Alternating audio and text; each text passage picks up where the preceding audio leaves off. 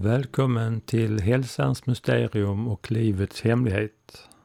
Detta är avsnitt 23 och jag heter Lars Nilsson och nu ska jag fortsätta prata om energipsykologi som jag började med i förra avsnittet, avsnitt 22. Energipsykologi är ju ett konstigt ord och eh, det är viktigt att man inte hänger upp sig på ord och ordval.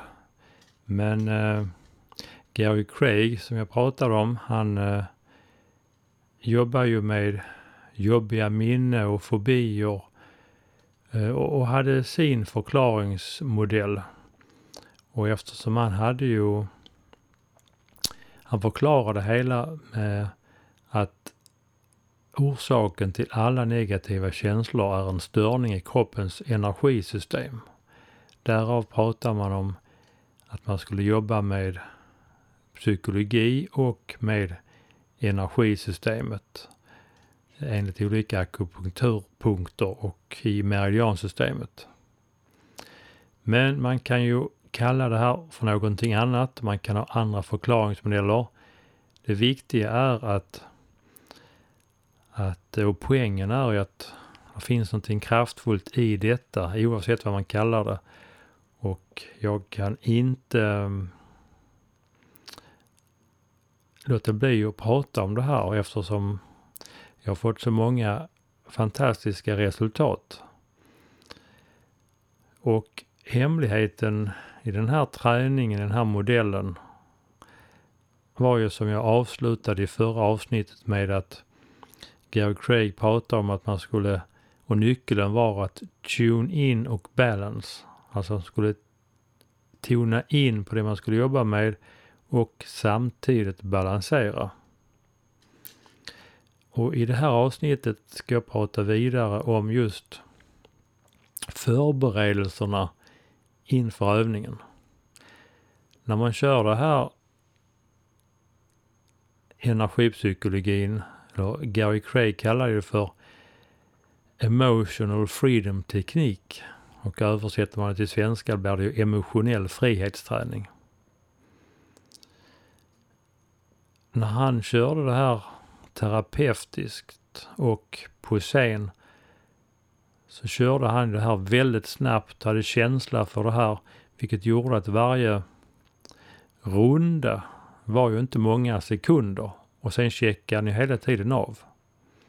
Och då blir ju det här väldigt dramatiskt för då kan man verkligen följa processen och vad som händer. Nu tänker jag göra så att den övningen som jag tänker genomföra i nästa avsnitt eller om två avsnitt beroende på hur mycket jag hinner det här avsnittet. Där gör jag ett längre avsnitt istället för att köra två minuter kanske som man ibland gör och sen checkar man av och sen kör man ett par minuter och sen checkar man av. Så har jag en variant där jag kör kanske 15-20 minuter istället och så upprepar man hela. Och jag har fått väldigt bra resultat när jag har gjort detta i stora grupper på övningar. Och eftersom nu detta, det går inte att ha en så tät dialog här i det här podcastforumet så vill jag göra en variant av den här lite längre variant, modellen. Och då kan det ibland hända att det händer mycket på en gång. Men jag ska gå igenom lite om det också. Eh, men första uppgiften till er är att plocka fram papper och penna. Pausa gärna den här det här avsnittet nu. Hämta papper och penna. Och när ni har papper och penna så är första uppgiften att göra en lista. Ta, avsätt 15 minuter och sitt ner och tänk igenom vad finns det för olika jobbiga händelser som du har varit med om i ditt liv. Olyckor man varit med om. Olika problem och situationer. Och vad har man för rädslor och fobier och obehag? Till exempel är man rädd för höjder, att flyga, tandläkare, spindlar, ormar, trånga utrymme, obehag. Man kan även göra en lista på fysiska obehag. För Gary Craig märkte att även om den här tekniken var väldigt effektiv att jobba med fobier. Och jag är övertygad om att om ni går in för den här och lyssnar på de här avsnitten några gånger eh, så ni får kläm på vad jag gör och gör övningen några gånger så jag är övertygad om att många av er själva skulle klara av att bli av med era fobier och åtminstone lindra dem betydligt. Eh, det Gary Craig upptäckte det var ju att efter ett tag när han experimenterade fungerade det inte bara på, på saker i ryggsäcken och psykologiska saker utan han fick ju förvånansvärt nog som han sa bra resultat ganska ofta också på fysiska problem. Som till exempel smärta, trötthet, sorg och oro. Vilket gjorde att han drog slutsatsen att, att eh, de här fysiska problemen och symptomen har eh, emotionella kopplingar. Så tanken är att ni gör en sån här lista. Värdera inte den och det spelar ingen roll vad ni har för känslor när ni tänker på det just nu utan bara skriv ner rakt upp och ner allt ni kan komma på. Och då kan det ibland finnas personer som säger att jag har inget problem och jag eh, känner ingenting. Och Gary Craig själv han eh, kommentera detta med att kan man inte lätt skriva ner ett tjugotal grejer eller fler så har man antingen inte levt på den här planeten eller så gör man inte den här övningen seriöst. Och naturligtvis kan det ju vara så att någon deltagare eller lyssnare har jobbat med det här eh, mycket och kanske har lärt sig att transformerade och har mediterat i många år. Då kan det ju vara så. Annars bör var och en ha en hel del saker. Och när man då har gjort den här listan, då väljer man ut en av dessa saker för att man vill testa och jobba med. Och det man då ska jobba med ur den här listan, det skriver man då på ett eget nytt papper. Och då sätter man en rubrik på det. Till exempel om man ska jobba med lite fobi för ormar. Då kan man ju bara ha som rubrik ormfobi. Och vad man sen gör med de här förberedelserna det är att man ska känna efter vilken specifik aspekt som man har när man tänker på det här problemet, det man ska jobba med. Och eh, innan jag går närmare på det så kan jag bara kommentera att jag läste också en bok i den här vevan när jag var intresserad av detta. Jag kom över en bok som heter The Power of Writing, alltså kraften i att skriva. Där var det någon eh, psykolog eller beteendevetare som hade gjort undersökningar eller någon studie och sett att just genom att låta personer skriva lite förutsättningslöst om något problem bara ett par minuter under tre, fyra gånger så fick man en bearbetning. Författaren eh, menar just på hur viktigt det var det här att sätta ord och att uttrycka sig. Och detta är ju också en del av effekten, nyttan i den här övningen också ju. Att det här att man ska tune in, alltså eh, sätta sig in i det man ska jobba med. Så att när man funderar och känner efter på det man vill jobba med så blir ju allting man går in i det här, den här processen en intoning så att säga. Så det som är det nya då bara med Gary Craigs koncept, det är att det inte bara att man ska skriva eller sätta ord och uttrycka sig utan att samtidigt som man gör detta ska det ske en balansering. Och balanseringen som Gary Craig använde sig av eh, efter då Roger Callan, då att man knackade lite grann på olika kända akupunkturpunkter. Men som då lik, har visat sig vad man kan göra istället, det är att ha en rytmisk stabiliserande andning. För som jag har gått igenom på flera tidigare podcastavsnitt och även två Youtube-föreläsningar. Så när man har en långsam rytmisk bukandning så balanserar man sitt autonoma nervsystem. Och det kan man också säga är en form av balansering. Och eh, vad det här avsnittet nu, avsnitt 23, handlar om är att förstå det här med aspekter. För om vi nu ska ta det här exemplet med en person som är rädd för eh, ormar. Så kan man säga, okej, okay, man är rädd för ormar. Och det kan vara rubriken då, men då ska man titta närmare på det och känna in närmare. Vad är det som, då kan man ställa sig frågan till sig själv. Vad är det som är problemet med ormar? Varför är man rädd för ormar? Varför känner man obehag när man tänker på ormar? Och då känner man efter lite grann. Och det första som då kan slå en person, det är att hon säger de har ju så otäcka ögon.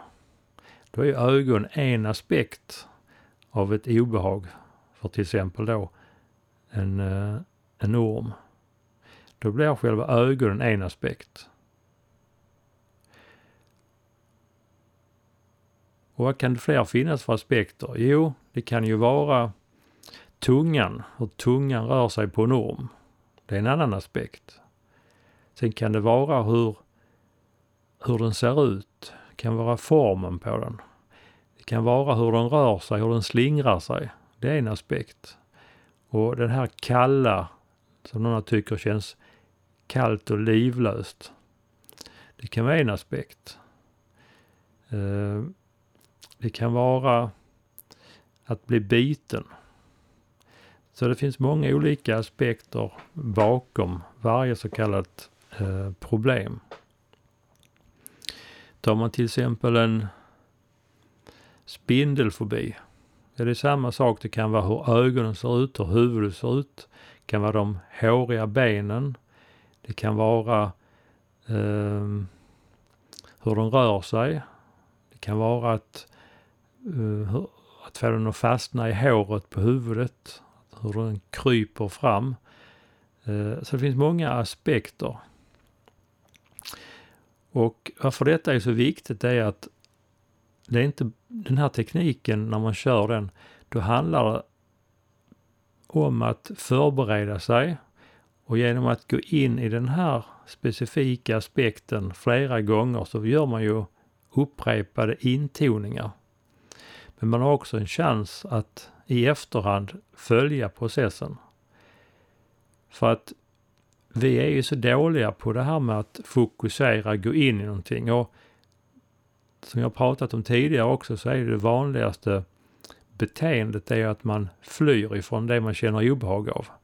Varför ska man egentligen tänka mer på det man är rädd för? Man vill ju fly från det.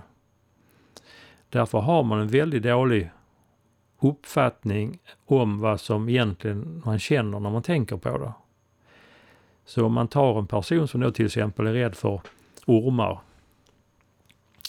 Och frågar man den personen hur känns det när du tänker på en orm? Ja, då får den, kan den känna, jag känner starkt obehag. En åtta på en 10-gradig skala. Och sen kör man kanske den här tekniken några minuter eller längre tid. Och sen frågar man personen, hur känns det nu då? Då skulle personen bara säga, det är ingen skillnad. Jag är fortfarande, eh, ser några otäckt med ormar och en åtta på en skala. Och då tror man att den här tekniken är värdelös för det har inte hänt någonting. Tror man, och det är det som är det häftiga. För att genom att då skriva ner på papper och penna och följa den här processen så ser man att det händer väldigt mycket. Och ett eh, exempel här nu som jag har själv gjort med en eh, person för några år sedan. Då, när jag frågar personen som då ville jobba med sin ormfobi så frågar jag vad är det största problemet med ormar? Varför har, tror du att du har din ormfobi? Vad är det som är problemet? Är det ögonen? De är så otäcka, sa personen. Jaha, sa jag. Så att största problemet med en orm, det är att de har otäcka ögon. Ja, sa de. Okej. Okay. Så frågar de, var sitter den här känslan när du tänker på en orm? Ja, det sitter som ett tryck över bröstet, sa personen. Okej. Okay. Hur stark är den här intensiteten, den här känslan av att det är otäckt? På en 10-gradig skala, ja, 8, sa personen. Sen körde jag den här övningen som kommer lite senare då på om ett eller två avsnitt. Och efter då en 5-10 minuter så checkar jag av personen. Så frågar jag, hur känns det nu när du tänker på orm? Ja, det känns ju fortfarande jobbigt och otäckt, sa de. Okej, okay, sa jag. Men vad är det som är jobbigast med att tänka på en orm då? De har ju sån otäck tunga. Ni förstår, ny aspekt. Och det ska ju kunna gå tillbaka genom att man har gjort den här dokumentationen. Därför man ska jobba med papper och penna. Okej, okay, sa jag. Men innan vi fortsätter så jag skulle bara vilja checka av med dig. Du sa för några minuter sedan att, att det var ögonen som var det mest otäcka med en orm. Ja, men tungan, säger de. Den är ännu värre. Jaha, men om du säger, tänker på ögonen på en orm, då vad säger de det? Ja, visst är de lite otäcka, men hur starkt är det? Ja, en fyra kan de säga. Okej, okay, du sa åtta för ett par minuter sedan. Ja, men tungan, säger de. Okej, okay. om du tänker på hur tungan rör sig på en orm och så känner man hur personen ryckte till lite grann. Ja, var sitter den känslan i kroppen? Är det fortfarande så här med tryck över bröstet? Ja, okej, okay. vilken intensitet har det? Ja, det är en åtta på en 10-gradig skala. Och hur kan du bäst beskriva det du känner? Ja, det är otäckt och otrevligt. Okej. Okay. Eh, känn efter igen. Skulle du helst vilja kalla det med dina egna ord otäckt eller otrevligt? Ja, otäckt är nog det bästa ordet. Okej. Okay. Så det är alltså tungan som är problemet med att tänka på ormar. Och du säger att det är en åtta i intensitet och det är otäckt och det sitter i bröstet. Mm, säger personen. Okej. Okay. Och sen kör man övningen ett par gånger till. Eller rundan. Och så kan man då efter ytterligare 5-10 minuter fråga personen. Okej, okay, har det hänt någonting? Nej, säger personen. Det känns värre nu, säger de. Det här hjälper ju inte, det fungerar ju inte den här övningen. Okej, okay, men vad är det som är jobbigt då? Om du tänker på en orm, vad är eh, problemet? Ja, den rör sig så otäckt. Okej, okay, den rör sig så otäckt ja. Men hur är det med tungan då? Och ögonen? Ja, det är inte så farligt. Och det är så intressant att vara med om det här för att det som var det stora problemet en liten stund tidigare, nu är det inget problem längre. Det slår de bara bort. Och de är inte själv medvetna om detta för nu är de helt låsta vid att den rör sig på ett speciellt sätt. Den slingrar sig fram. Så otäckt. Okej, okay, säger man. Uh, när du tänker på en orm som rör sig så ser man att den kan hoppa till lite grann. Okej, okay. berätta vilken känsla du känner när du tänker på en orm som rör sig.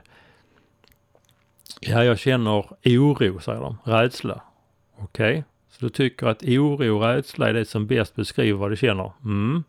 Det är inte otäckt. Nej, jag känner rädsla. Ja, rädsla. Okej. Okay. Känn efter igen. Vilket ord beskriver bäst det du känner? Är det oro eller rädsla eller någonting annat som dyker upp? Nej, men det är rädsla. Okej, okay, när du tänker på den här rädslan, hur en orm rör sig. Var ligger intensiteten då? Från 0 till 10. 0, ingenting alls, 10 maximalt. Ja, 9 säger de. Och det känns, känns i magen säger de. Och ni som lyssnar nu, ni förstår att okej, okay, det är en ny aspekt. Det är den tredje aspekten nu. Från ögonen, tungan till att hur hon rör sig. Det har rört sig från bröstet, nu är det i magen och de beskriver det själv med ordet rädsla istället för otäckt. Och sen kör man det här övningen igen med detta. Där man hjälper dem att tona in på just den här specifika aspekten samtidigt som man bukandes. Och sen efter ett par minuter går man tillbaka igen. Och då kan personen fortfarande tycka att det här är ju skit, det har ju inte hänt någonting. Okej, okay, säger man. Vad är det som är problemet? Varför är du rädd för ormar? Jag kan ju bli biten fattar du väl, kan personen säga. Okej, okay, säger jag. Vad känner de med det? Ja, det är panik. Jag kan ju dö, kan personen säga. Okej, okay, det kan vara nio eller en tia. Och var känns det då? Jag sitter i, i magen och hjärtat. Och så leder man in dem igen så de känner efter en gång till att det verkligen är eh, vilken känsla de känner. Det är panik som de vill själv uttrycka med sina egna ord. De känner inte rädsla, oro eller ett otäckt utan panik tycker de är det bästa ordet för att beskriva vad de känner. Att kunna bli biten av en orm. Och det sitter i magen och är fortfarande en nia säger de. Gränsen till en tia. Och sen körde jag det här en gång till. Så det blev alltså den fjärde rundan så att säga. Av den fjärde aspekten. Och efter detta sitter personen och tittar på mig. Så säger jag, hur känns det nu då? Och det är, de, det, det är rätt så häftigt för att med om det här ett par gånger. Då sitter personen bara fram och tittar på en och så ser man att det händer i full aktivitet uppe i intellektet. För de kan inte förstå det här.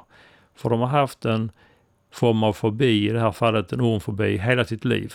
Och helt plötsligt så får de inte fram någon känsla och då måste de försöka intellektualisera det här, försöka förstå detta. För att det kan ju inte vara det här vi har gjort som har hjälpt dem. Det kan vara en vanlig tanke utan jag har förvirrat dem och så vidare.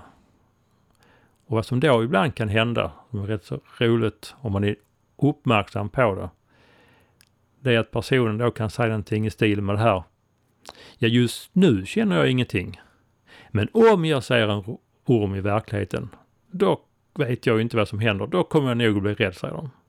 Och ni hör här att nu har de gått ifrån vad de faktiskt har känt under hela övningen och tidigare till att de inte tror att det är borta för att de har haft det här med sig hela sitt liv. Så att nu är det deras intellekt som säger att det är nog inte borta om får se en orm i verkligheten. Okej, okay, kan man då säga till dem. Nej, det kan jag inte garantera. Men just nu jobbar vi med vad du känner när du sitter här just nu och jobbar med din, din fobi eller ditt problem eller vad man än nu jobbar med i ryggsäcken. Vad känner du just nu när du tänker på norm? Och då kan personen bara säga, ja jag vet ju inte vad jag kommer att känna när jag ser en orm i verkligheten. Nej, det är inte det vi pratar om, utan vad känner jag just nu? Ja, just nu känner jag ingenting, men... Och så får man avbryta dem. Ni förstår ju själva ni som lyssnar nu att det är rätt så komiskt. Och det här kommer också in en viktig sak, nämligen att man måste skilja på vad man känner just nu när man tänker på det minnet, det i ryggsäcken eller smärtkroppen man vill jobba med. Jämfört med vad man faktiskt kände när det hände. Har man varit med om ett, någon olycka, något överfall eller något annat eh, jobbig situation. Så det som man kände när det hände och att det hände, det kan man inte göra någonting åt. Vad man jobbar med är ju upplevelsen och känslan av att tänka på det just i stunden. Och just i stunden kunde inte den här personen eller andra jag jobbat med, de kunde inte få fram någon känsla. För de kände ingenting just nu. Men de visste inte hur det skulle kännas när de väl såg en spindel eller en orm eller satt i flygplanet på riktigt. Så det är en viktig grej att ta med sig i den här eh, träningen för att förstå liksom hur tekniken fungerar. Så vad som kommer hända på den här övningen det är att jag guidar er genom de här att ni själv får gå in och känna efter och reflektera. Så att vad man gör då som förberedelse när man har valt någonting som man vill jobba med, det är att man sätter en generell rubrik. Och sen tänker man då specifikt på någon aspekt. Och det här är viktigt eftersom det oftast är så att när man har något problem så finns det oftast flera olika aspekter och det hoppar runt mellan dem. Och har man inte kontroll på dem så vet man egentligen inte vad man jobbar med och då kan det bli så att, att man kanske slutar när det bara är en aspekt kvar. Och då har det i själva verket kanske hänt väldigt mycket. Att flera aspekter har försvunnit som man har haft tidigare. Tack vare att man har skrivit ner det kan man återkomma till det och man kan checka av det och för sig själv följa processen. Plus, som jag har sagt tidigare, som jag vill betona, att under tiden man gör det här viktiga förberedelsearbetet så gör man hela tiden intoningen och man sätter ord och uttrycker sig på det som man normalt har flytt ifrån. Så det första man gör tänker ut specifikt vad man känner. Har man någon smärta i kroppen? Ja, det är en kvinna som eh, var halvtidssjukskriven för smärtor i nacken. Och eh, då fick hon ju försiktigt vrida huvudet i sidan. Och då får man väl specifik i det fallet också med hur vrider man huvudet? För att i första fallet kanske personen säger aj när man vrider det 20 grader. Och sen nästa gång, eftersom personen inte var medveten om att den vred bara 20 grader till det gjorde ont. Då kanske hon rider 35 grader nästa gång till det gör ont. Och så tänker man, ja, jag gör fortfarande ont när jag vrider på det. Ja, men du har ju, vrider mycket längre innan det gör ont. Och till slut kanske den vrider nästan 70 grader innan det gör ont. Och då har det hänt ju rätt så mycket. Så att det gäller ju också på samma sätt när man jobbar med smärta, att gå in i smärtan så specifikt man kan med vilken känsla man har och kroppslokalisationen exakt. Så att man vet att det är det man ska checka av också efteråt och se hur det har gått med det och sen vad som är den nya aspekten. Eh, och den här specifika aspekten får man ju ut genom att man ställer sig frågan vad eller hur tänker du, vad känner du eh, när du tänker på det här du ska jobba med. Och då skriver man ner det ut ordet så specifikt man kan. Och när man har skrivit ner det så ska man ju gå in i det igen. Då leds man tillbaka in i den här processen och då ska man sätta ord på känslan man känner. Och då kan det vara så här att man tycker att det är svårt att sätta känslor. Ja, men då säger man bara, men försök. Ungefär vad är det bästa sättet att uttrycka det du känner? Ja, jag känner irritation, besvikelse. Mm. kan komma två, tre ord. Och då leder man in i processen igen, säger man okej, okay, tänk på, känn efter igen den här irritationen och besvikelsen. Vilket tycker du bäst beskriver det just nu? Och då kanske man väljer en av det. Och då väljer man oftast det rätta. Och då skriver man ner det. Och man kan mycket väl skriva ner båda två, så ringar man runt det man slutligen väljer. Och sen som tredje punkt så tar man intensiteten. 0 till 10. Och då kan en del tycka att det är svårt, men det handlar bara om att höfta. Är det 3, 7, 10? Och så gissar man en siffra, bara för att ha någonting att utgå ifrån. Och sen slutligen kroppslokalisationen. Man går in i den här specifika aspekten igen, tänker på den känsla man upplever och frågar var och vad upplever jag i kroppen när jag tänker på det här? Sitter det liksom i bålen? Sitter det i bröstet? Sitter det i huvudet? För någon gång när man har kört en runda på träningen, då kan det hända ibland också att det är samma aspekt efter en runda. Det är samma känsla, men kroppslokalisationen kan ha ändrat sig från huvudet till magen. Och då sitter folk också och tycker det är jättekonstigt för att det är precis samma aspekter, intensitet och känsla. Men från att ha varit en intensiv känsla i huvudet så har det flyttat sig kanske till bröstkorgen eller magen eller knät. Så att det, det kan hända sådana spännande saker också. Så att man både tonar in och jobbar med det och eh, dokumenterar så att säga. När man jobbar just med fysiska symptom och smärtor eh, så, så är det speciellt att det händer saker när man eh, går in i den och verkligen på ett nyfiket sätt eh, uppmärksammar det. Från att man normalt inte vill gå in i en smärta. För det är vanligt för många människor att undvika smärtor ju. Men lösningen här är, tycks vara precis tvärtom, att våga möta den istället och då kan det hända dramatiskt positiva saker.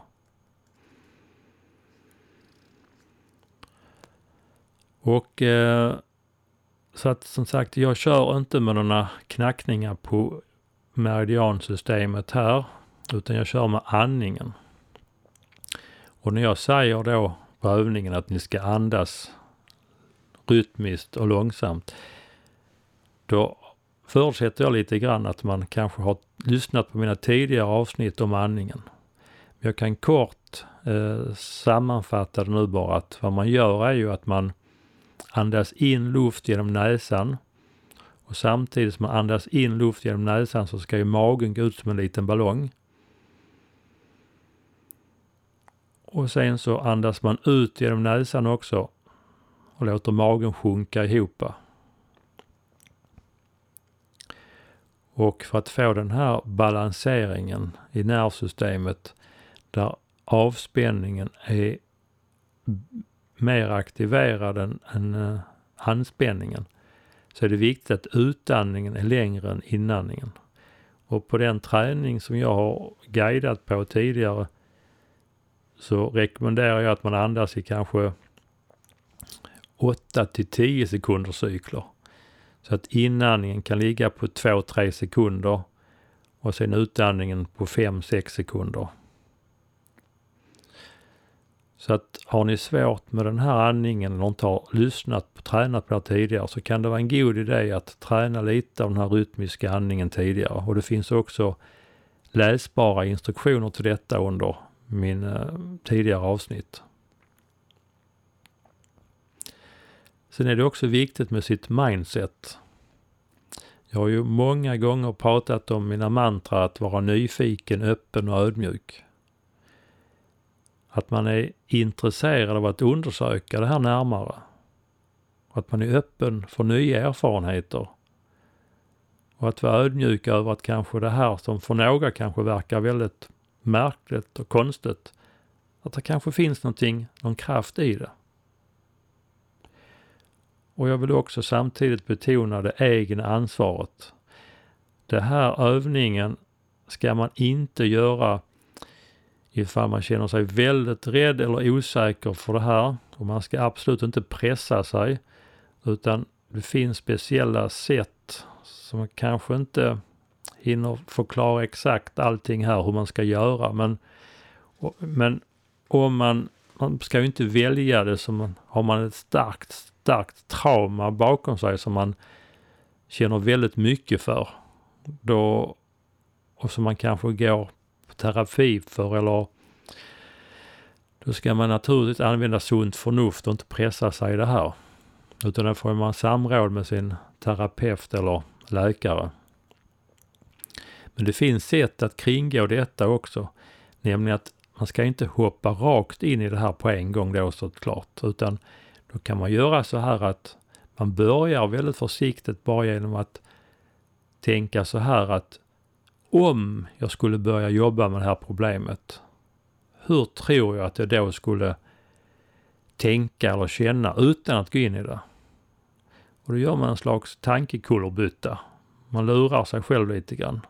Man går inte in i det, men man bara frågar sig själv hur man tror man skulle känna. Och det man tror man skulle känna och hur man tror man skulle uppleva, det tränar man med istället. Och då går man bort liksom tar liksom steg för steg. Och så fort det ökar i intensitet stannar man och sen tränar man och så backar man tillbaka lite grann på trygg mark. Jobbar några rundor med det tills man känner sig trygg och så kan man långsamt gå framåt steg för steg till steg. Till slut så kan man liksom vara i det och tänka om det utan att det känns någonting. Och då försöker man gå runt och trampa i det och försöka hitta aspekter som finns kvar. Och då kan man naturligtvis fundera på hur många aspekter finns det egentligen? Ja, Gary Craig säger ju att det kan ju som sagt finnas väldigt många aspekter ibland. Men hans erfarenhet är att oftast behöver man bara jobba med några stycken av aspekterna, kanske fyra, fem. Eh, för hittar man liksom trädet som fäller resten av skogen så, så, så eh, gäller det att liksom få det med sig. Så att det händer mycket. Det är sällan man behöver jobba mycket mer än fyra, fem runder. Och oftast händer det mycket på bara två, tre runder. Eh, så det är viktigt att känna sig trygg i processen. Och eh, det kommer ni märka att när jag kör övningen så i och med att jag nu kör den på det här sättet så kommer den vara lite längre men jag kommer göra pauser och stanna upp där ni liksom får bukandes ett tag och släppa vad ni jobbar med. Bara för att liksom landa och eh, eh, skapa ett lugn.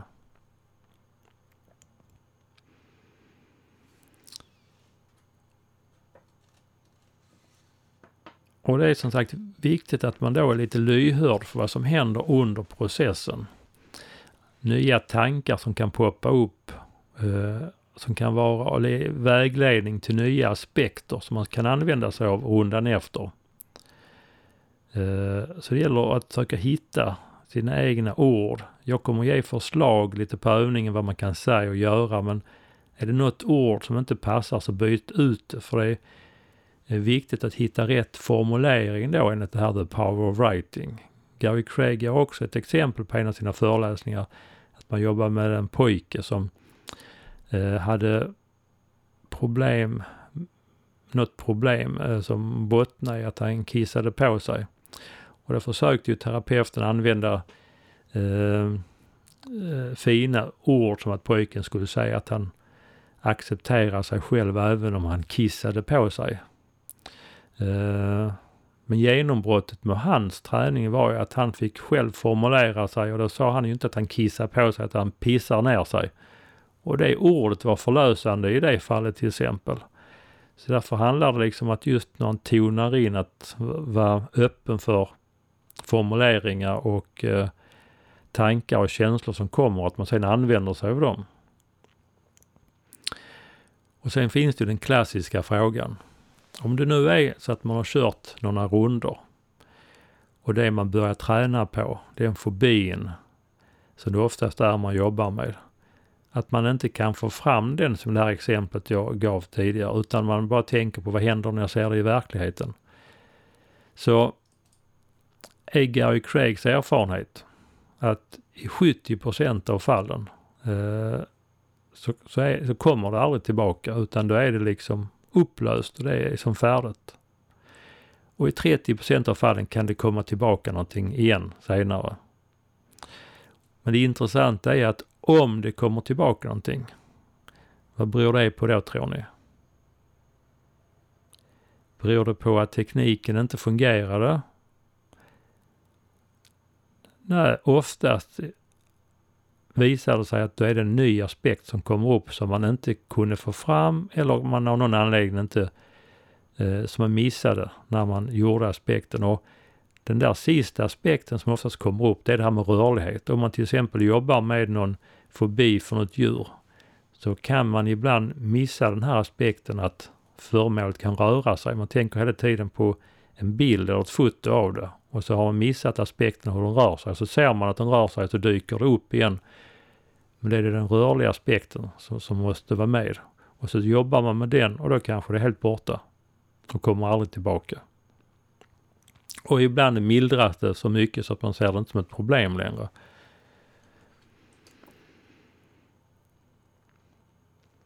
Men som sagt, ta det här som en liten rolig sak, en övning, ett sätt att få nya erfarenheter pressa inte er själva utan ni har ett eget ansvar och använd lite sunt förnuft med det. Och är ni osäkra, lyssna gärna en gång till på det här avsnittet och försök eh, få in känslan i detaljerna i det jag säger. Och eh, nu är det här avsnittet 40 minuter långt och hur jag tänker gå vidare nu är att eftersom man då ska köra några runder kanske och checka av emellan så är min tanke att jag i nästa avsnitt, avsnitt 24, har en kort förberedelse bara. Där jag sammanfattar det viktigaste av denna övning bara för att kunna sätta igång snabbt. Där man får ledtrådar och hjälp av att gå igenom de viktiga punkterna. Och de punkterna kommer också stå på min hemsida som är amixe.se. Och sen kör ni själva övningen. Och övningen kommer då komma på i avsnitt 25. Och när jag då har kört igenom övning 25, då följer ju en, en check. Och jag kanske får ta ett avsnitt 26 som avslutar det här EFT-sessionerna helt med just hur man kan tänka lite grann. Men annars är ju tanken att man efter man har gjort övningen, att man går tillbaka till ett papper och checkar av. Vad är det som har hänt?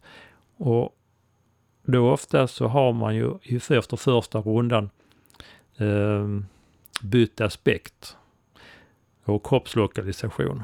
Och då bara börjar man om och går igenom vad känns det just nu när jag tänker på den här nya aspekten? Vad jag för känsla, intensitet, kroppslokalisation? Och sen kan man checka av hur det var på det man hade innan och sen kör man, startar man övning 25 igen och kör eh, övningen igen. Så kan man köra sådana runder. Och känner man efter två runder eller en att det räcker för just nu, så släpper man det. Men så behåller man det här pappret. Sen kan man gå tillbaka till det vid senare tillfälle. En annan dag, Eh, eller senare samma dag eller någon vecka senare så checkar man av. Hur känns det när jag tänker på det här jag jobbar med?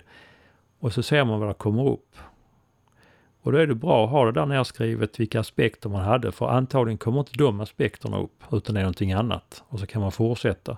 Och gör man det här några rundor är jag övertygad om att ni kommer kunna få fantastiska resultat med det här ni också.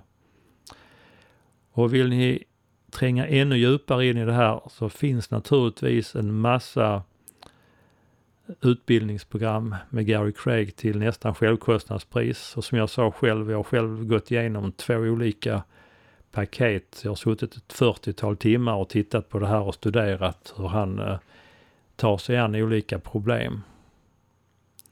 Och kanske jag kommer med en workshop till våren också i Ystad. Eller om jag blir inbjuden någonstans. Um, en annan grej också är att på de här träningarna vi har inte har nämnt nu, det är att man gör eh, affirmationer också, självacceptans. Eh, samtidigt som man då tänker på det man gör och bukandas så kan man säga en acceptans där man säger ungefär så här att jag väljer att acceptera mig själv helt och fullt även om jag känner och så säger man då sin aspekt. Så till exempel om jag kör första rundan med spindelfobi och man har den specifika aspekten eh, oro och lurviga ben kan man säga så här då. Jag väljer att acceptera mig själv helt och fullt, även om jag känner eh, obehag av spindlarnas lurviga ben. Och så bukarna som man tänker på det här. Så ibland kan man lägga till, eh, eh om det är passande beroende på vad man jobbar med, att man säger att eh, jag väljer att förlåta mig själv helt och fullt, även om jag fortfarande tycker det är obehagligt med lurviga eh, ben på spindlar. Och ibland kan man också säga att jag väljer att älska mig själv helt och fullt även om hm, hm, hm, och så man, man, eh, vad man jobbar med. Eh, så det är detta som man gör på själva träningen. Och eh, då kan man fundera på vad är det egentligen som händer när man gör detta? Ja, jag har ju tidigare avsnitt pratat om det här betydelsen av att inte sopa saker undan mattan. Livet ska genomlevas. Och att mycket av det som hamnar i den tunga ryggsäcken eller smärtkroppen är just sånt som man inte orkade eller kunde förstå eller att kunna hantera när det hände. Så det handlar egentligen om att bara göra det som skulle göras första gången. Det är ett sätt som jag ser på det. Och man säger ibland också att mörkret skingras ju av ljuset. Även medvetandets ljus. Så det enda som ett lidande inte tål, det är att bli granskat och, och lyftas upp till ytan och, och få en hög medvetenhet kring. Många av lidanden, de lever just i det omedvetna och icke sedda. Så det är också ett ytterligare sätt att förklara vad man gör i den här processen. Och eftersom vi har, som jag också pratat om tidigare, de här kopplingarna mellan tanke, känsla, fysiologi och kropp. Så när vi tänker på något jobbigt, då påverkas ju hela vår fysiologi. Precis som att man vet ju hur en nedstämd person rör sig. Den är lite ihopkrupt, ihopkrupen. Ehm, så att fysiologin avspeglar ju vad som händer emotionellt också. Så genom att då tona in som sagt och samtidigt då inte låta det fysiologiska avtrycket eh, vara kvar utan att man då medvetet gör den här bukandningen. Då tvingar man ju kroppen i ett ny, eh, ska man säga, konditionering av eh, nervsystemet. Så det är många intressanta bitar här som man gör samtidigt. Och som forskare kan man naturligtvis då vilja veta vilket är det mest kraftfulla.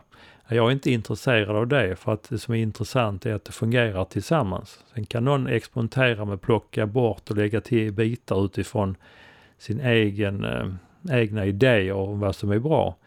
Men har man med alla de här bitarna så fungerar det oftast förvånansvärt bra. Så att jag hoppas att ni ger det här en chans och eh, tar fram papper och penna. Eh, lyssnar på det här avsnittet en gång till och göra redo för eh, övningen. Lycka till!